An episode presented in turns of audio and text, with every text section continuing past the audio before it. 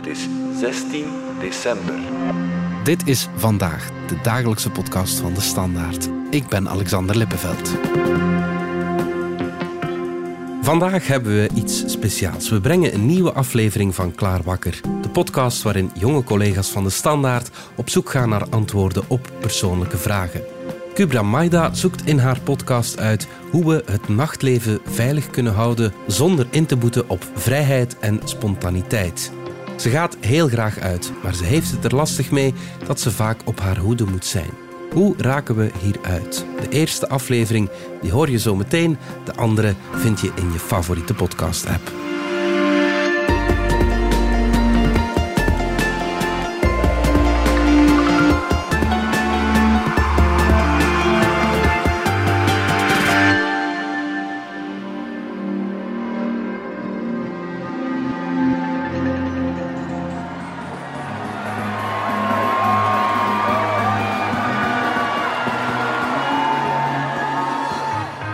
Af en toe gaan er witte spots aan, waardoor het lijkt alsof dat je in een zwart-wit film zit. Ik sta op de dansvloer helemaal van voor. Ik zie de DJ's. Ik zie mijn vrienden links en rechts van mij dansen met hun ogen toe en hun handen in de lucht en ik doe hetzelfde. Ik voel euforie. Ik voel de muziek. Ik voel de liefde van de mensen rondom mij. En ik voel heel veel liefde voor hen. Ik dans. Ik dans, ik dans, ik dans. Ik dans met mijn hand over mijn beker.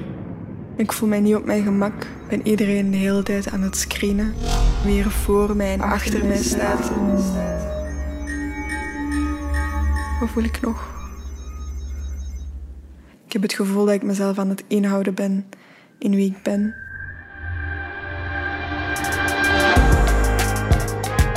Waar lig jij wakker van? Wat houdt u s'nachts wakker? Die vraag. Vijf jonge redacteurs van De Standaard Ik lig wakker van gaan op zoek naar antwoorden op persoonlijke vragen in de podcastreeks Klaar Wakker. Mijn eigen zoektocht. Dit is de eerste van drie afleveringen over de vraag van Kubra. Wanneer ga ik me eens veilig voelen in het nachtleven?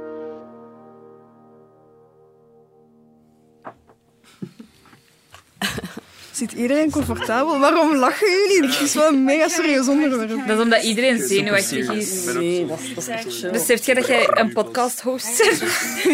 ja. Ehm, hoe gaan we dat doen?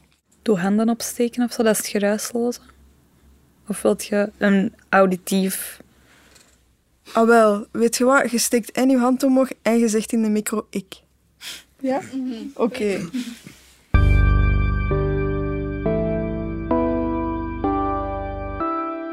In het uitgaansleven heb ik me wel al eens onveilig gevoeld. Ik. Ik. Ja, ik. En ik ook. Ik ben Cupra, 24 en binnenlandredacteur bij De Standaard. Begrijp me niet verkeerd. Ik ga super graag uit. Maar het ding is, als ik uitga, voel ik me mega onveilig.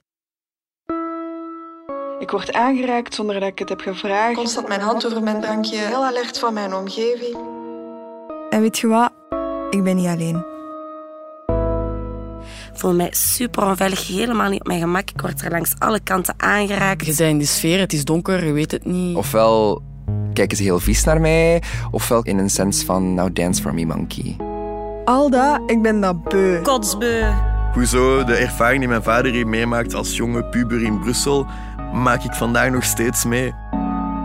Maar hoe kut is dat? Want is het niet juist een van de leukste dingen om samen met je vrienden een avond zorgeloos te feesten?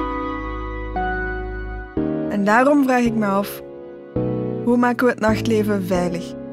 Maar ook wie voelt zich onveilig? En waarom juist? Hoe komt dat? En kunnen we überhaupt nog veilig uitgaan? Want is de nacht niet sowieso een beetje gevaarlijk? Swat, al dat en nog veel meer ga ik in deze podcast uitzoeken.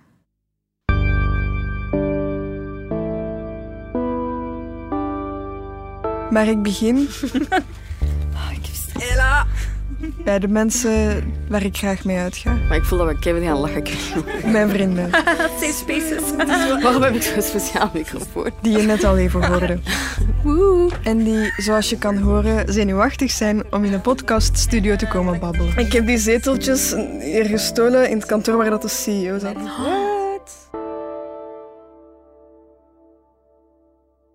Ik gaf ze de stelling. In het uitgaansleven heb ik me wel al eens onveilig gevoeld. En dit was de respons. Ik. Ik. Ik. Ja, ik. Op één iemand na, en we zijn met acht, voelde iedereen zich wel al eens onveilig tijdens het uitgaan. Oké, onveilig, dat kan heel veel betekenen. Waarover hebben we het dan juist? Ik ga tot mensen aan het woord. Op een bepaald moment op die avond kon ik mij gewoon echt amper nog bewegen. In mijn hoofd ging het nog wel allemaal heel vlot, maar mijn lichaam wou niet meer mee met wat ik echt wou doen. Ik ben Emma, ik ben nu 25 jaar. Vroeger ging ik wel veel uit en heb ik dan ook wel een paar dingen meegemaakt. Toen ik thuis kwam, heb ik mij ook echt heel raar gedragen. Ik wist niet meer waar mijn slaapkamer was. Ben ik eh, op de wasmand gaan staan en zo. Ik ben in mijn moeder haar kamer gevallen. Er was gewoon heel veel gaande dat, dat niet logisch was. Emma werd het slachtoffer van spiking. Tijdens een scoutsfeestje een aantal jaren terug werd er iets in haar drankje gedaan. Ik wist op dat moment niet dat ik gespiked was. Dat was pas de dag nadien dat ik zo alle dingen bij elkaar begon te zetten.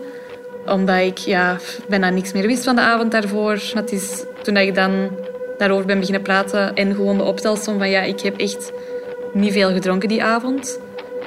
Dat je wel ja, begint door te hebben dat daar iets niet klopte. Volgende dag word ik wakker om 11 uur. Naast mijn beste vriendin van waar ben ik? Wat is er gebeurd? Waarom heb ik pijn?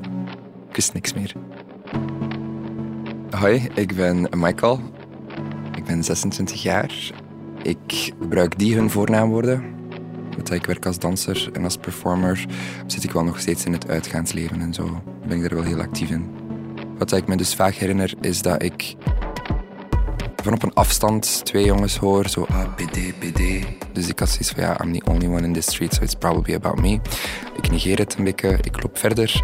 Dan vragen die twee aan mij of dat ik een sigaret heb. Ik zeg zo sorry, ik heb dat niet. Vijf meter verder wordt er op mijn schouder getikt. Ik draai mij om en ik krijg gewoon een map in mijn gezicht. Alles wat daarna gebeurt. Ik herinner mij niks meer. Mijn neus was gebroken, ik had nog andere verwondingen in mijn gezicht, mijn ellebogen en mijn knieën. En dan ja, klachten ingediend bij de politie. De politie heeft dan proberen beelden op te zoeken, niks gevonden. Wat ik nogthans een beetje vreemd vind, want mijn route naar huis is langs Saint-Géry. Dus dan heb ik zoiets van, hebben ze er effectief iets aan gedaan? I don't know. Die krijgen waarschijnlijk genoeg cases binnen. Dat is zoiets van, ja, ja, weer zo eentje.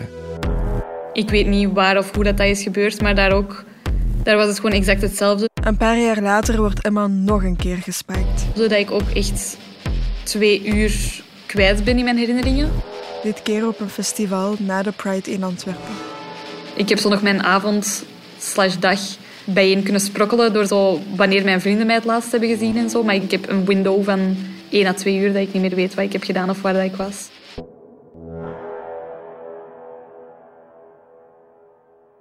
Voelt jij je veilig als je uitgaat? Het is grappig, want ik zei net bijvoorbeeld tegen mijn vriendje van ja, ik ga nu een interview afleggen. Maar ik heb eigenlijk niet zo'n erge verhalen. Dit is Fien. Ik ken haar van het uitgaan. Voor ik haar verder laat praten, even dit. De verhalen en getuigenissen die naar boven kwamen bij het maken van deze podcast waren er in verschillende gradaties. Emma die gespijkt wordt en Michael die in elkaar werd geslagen, dat is vrij fucked up. Er zijn heel duidelijk grenzen overschreden. Maar dan waren er verhalen, en dat was eigenlijk het overgrote deel van de verhalen, die je een paar jaar geleden waarschijnlijk niet eens had durven aanhalen. Of waar je misschien niet eens aan dacht om ze aan te halen, want we zijn ze gewoon. It's part of it. En dat is ook hoe Fien aan ons interview begon. Ik heb eigenlijk niet zo'n erge verhalen, alleen maar dat ik al ben aangeraakt of zo dat. Maar eigenlijk is dat ook al erg.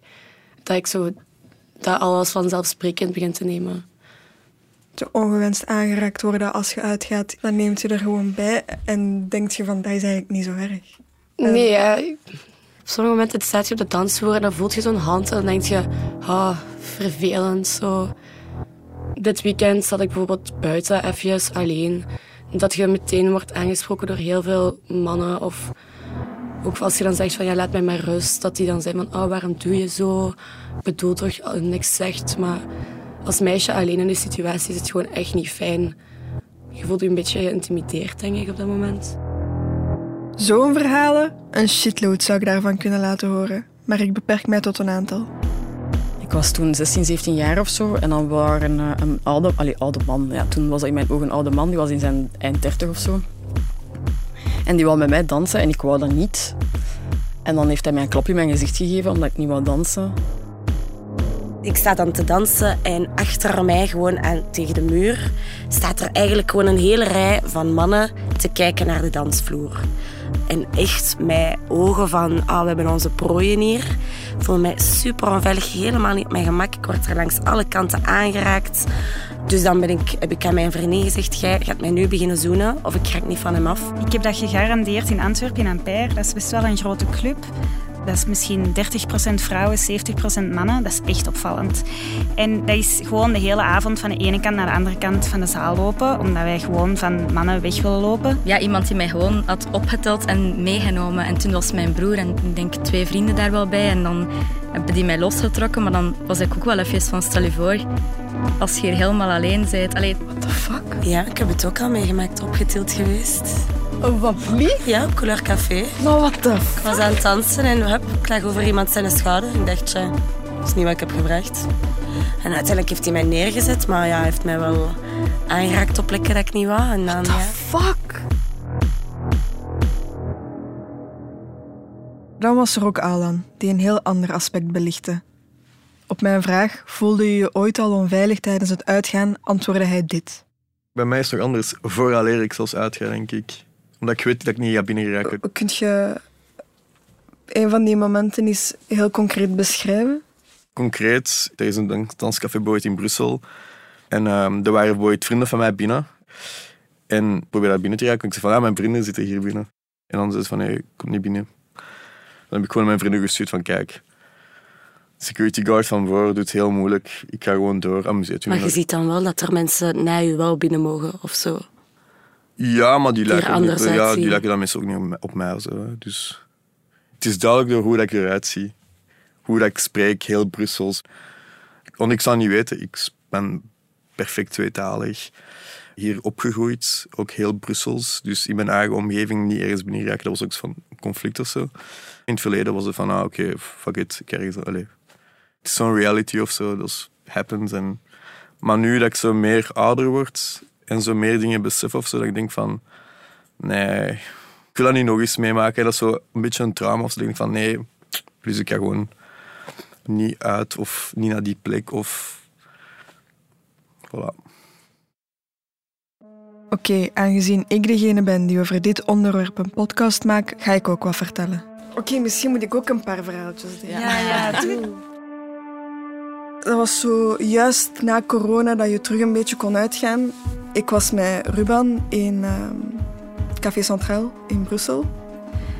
En toen was ik aan het dansen en er moest een man passeren om naar het toilet te gaan en die pakt mij vast aan mijn borsten en die passeert.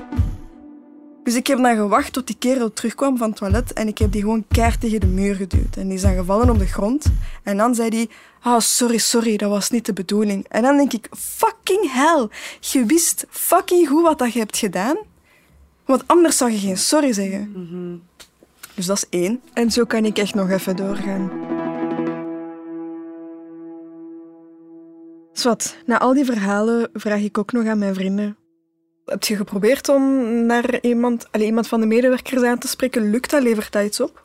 Want hoewel ik denk dat de verantwoordelijkheid in de eerste plaats bij de persoon zelf zou moeten liggen, hebben clubs en cafés ook hun verantwoordelijkheid om veilige ruimtes te creëren.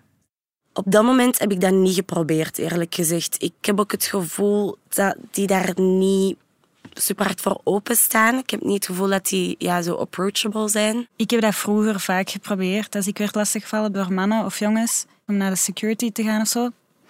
Ik heb daar altijd slechte ervaring mee gehad dat die gewoon niks deden. Dus nu doe ik dat gewoon niet meer, want ik weet dat die mij niet gaan helpen.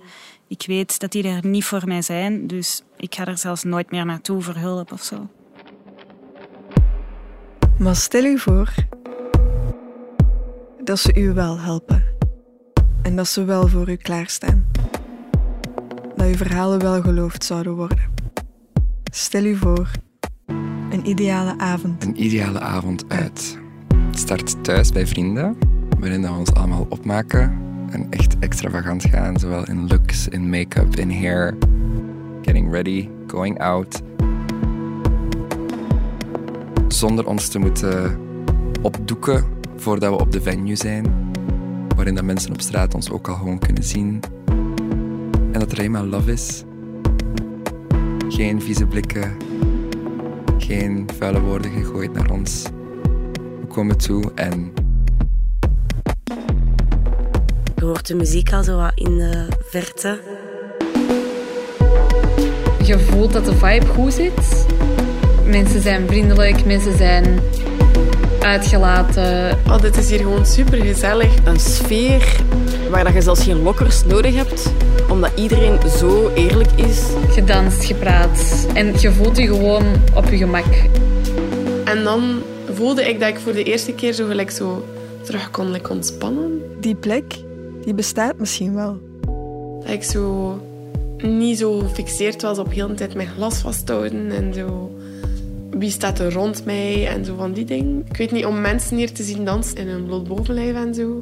Alleen dan mensen met borsten. En ik had zoiets van, wow, dat kan hier. En niemand doet er hier raar of zo. Iedereen is gewoon zo, ja, wij zijn aan het dansen. En daaraan voelde, dat kan gewoon nergens anders. Hè? Dat kan echt nergens anders.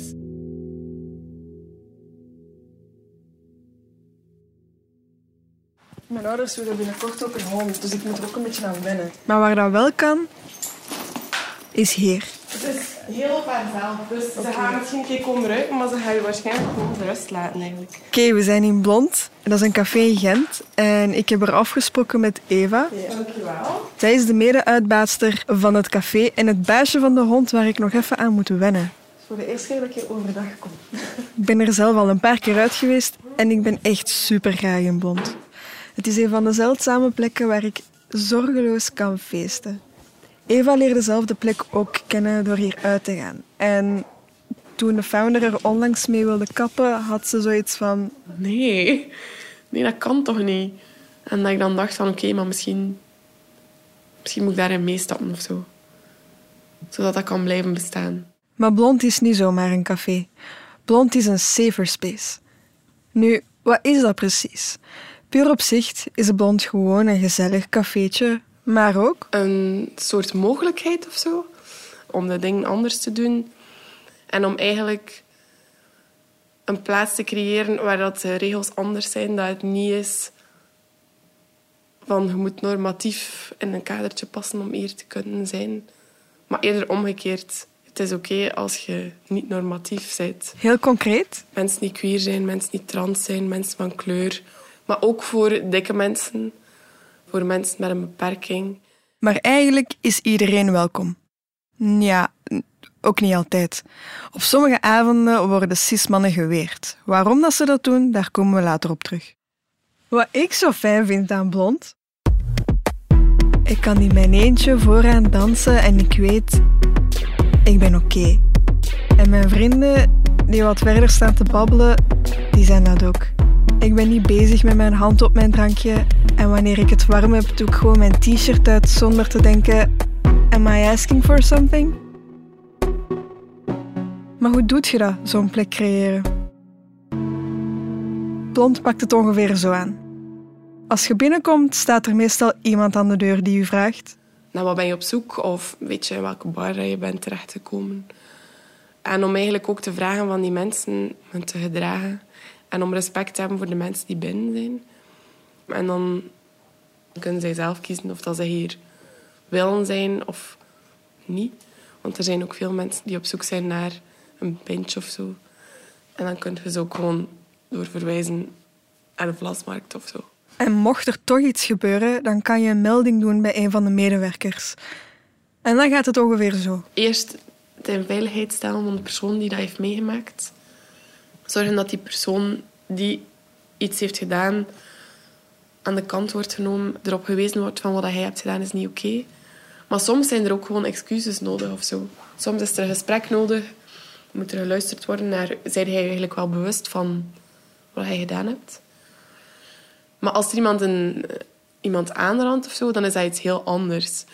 Dan moet er wel hulp ingeschakeld worden. Dan moet de politie wel weten van... ehm, er is hier iemand die een aanranding of een verkrachting of dergelijke heeft gepleegd. Ja, dat is een moeilijke afweging natuurlijk. Om altijd op zoek te gaan naar wat, is hier het meest productieve. Misschien luister je naar deze podcast en denk je: is dat allemaal wel nodig? Is dat er niet wat over? Maar natuurlijk kwamen plekken als Blond er niet zomaar. Ze werden opgericht om te vermijden dat er nog meer mensen het slachtoffer zouden worden van alle verhalen die je net al in deze podcast hebt gehoord. Vraag Eva wat ze ervan vindt dat we hier nu allemaal meer over praten. Ik denk dat het supergoed is dat die bewustwording er is en dat dat samengaat met een bepaald reflectieproces. Het is bijna verplicht om nu te luisteren naar de mensen waar er daarvoor niet naar geluisterd werd, bij wijze van spreken. Vrouwen die eindelijk het woord krijgen, trans mensen die eindelijk woord krijgen, non-binaire mensen, queer mensen. Nu wordt er geluisterd naar de verhalen die er al altijd zijn. En nu is het zo van, "Oh, hij wordt lastiggevallen in het uitgaansleven. Wow, hij is al in elkaar geslagen geweest toen hij met uw lief over straat liep. En ergens voelt dat heel wrang om dan zo nu eindelijk zo te hebben van... eh, ah, er wordt daar nu pas naar geluisterd of zo. Maar aan de andere kant is het eindelijk oké dat die verhalen er zijn en dat er iets mee gedaan wordt. Ik vind het keigoed dat het nachtleven onze verhalen stilletjes aan begint te horen. Maar er komen ook steeds meer vragen naar boven. Want al die safe spaces en extra beleid en regels en stewards, neemt dat niet de spanning en impulsiviteit van het nachtleven weg? Alsof je de nacht onder de scherpe schijnwerpers van de dag plaatst. Je gaat altijd wel dingen doen die dan nuchter of overdag jij waarschijnlijk niet had gedaan. Want onvoorspelbaarheid en grenzen opzoeken is altijd leuk. Mensen willen graag een keer eens gewoon gaan. Hoort dat niet gewoon bij het nachtleven? Ja, uitlaat voor gevorderden. Daarover hebben we het in de volgende aflevering. Maar ook over dit. Vorige week was er heel wat ophef over Café Blond in Gent, dat op één bepaalde avond alle cis-mannen heeft weggestuurd nadat sommigen onder hen grensoverschrijdend gedrag hadden vertoond.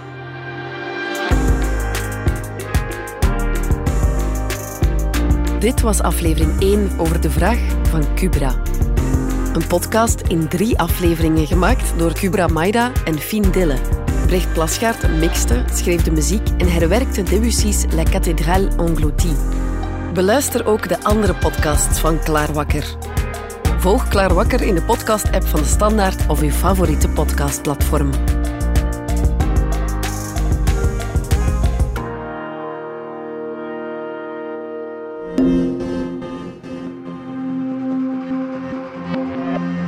Gaan er even uit voor reclame. Ik ben Elke van Mello, radiostem en actrice. Hoewel ik in mijn job altijd mijn hart volg, moet ik als zelfstandige soms ook rationele keuzes maken. Dus rij ik met een plug-in hybride van Mercedes-Benz. Ik verbruik minder, rij vaak volledig elektrisch en fiscaal is het gewoon mijn beste optie. Dus slim gekozen, maar toch ook met het hart.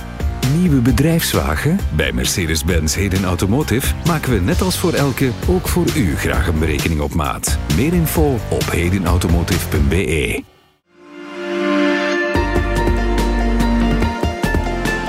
Dit was vandaag de dagelijkse podcast van de Standaard. Bedankt voor het luisteren. Luister zeker ook naar onze andere podcasts in de reeks Klaar Wakker. Chef Poppelmonde vraagt zich af wat je moet opgeven voor je kind om een goede ouder te zijn. Samira Attai zoekt dan weer uit wat je thuis voelen betekent voor mensen met een migratieachtergrond. Luister op standaard.be-podcast in de app DS Podcast of in je favoriete podcast-app.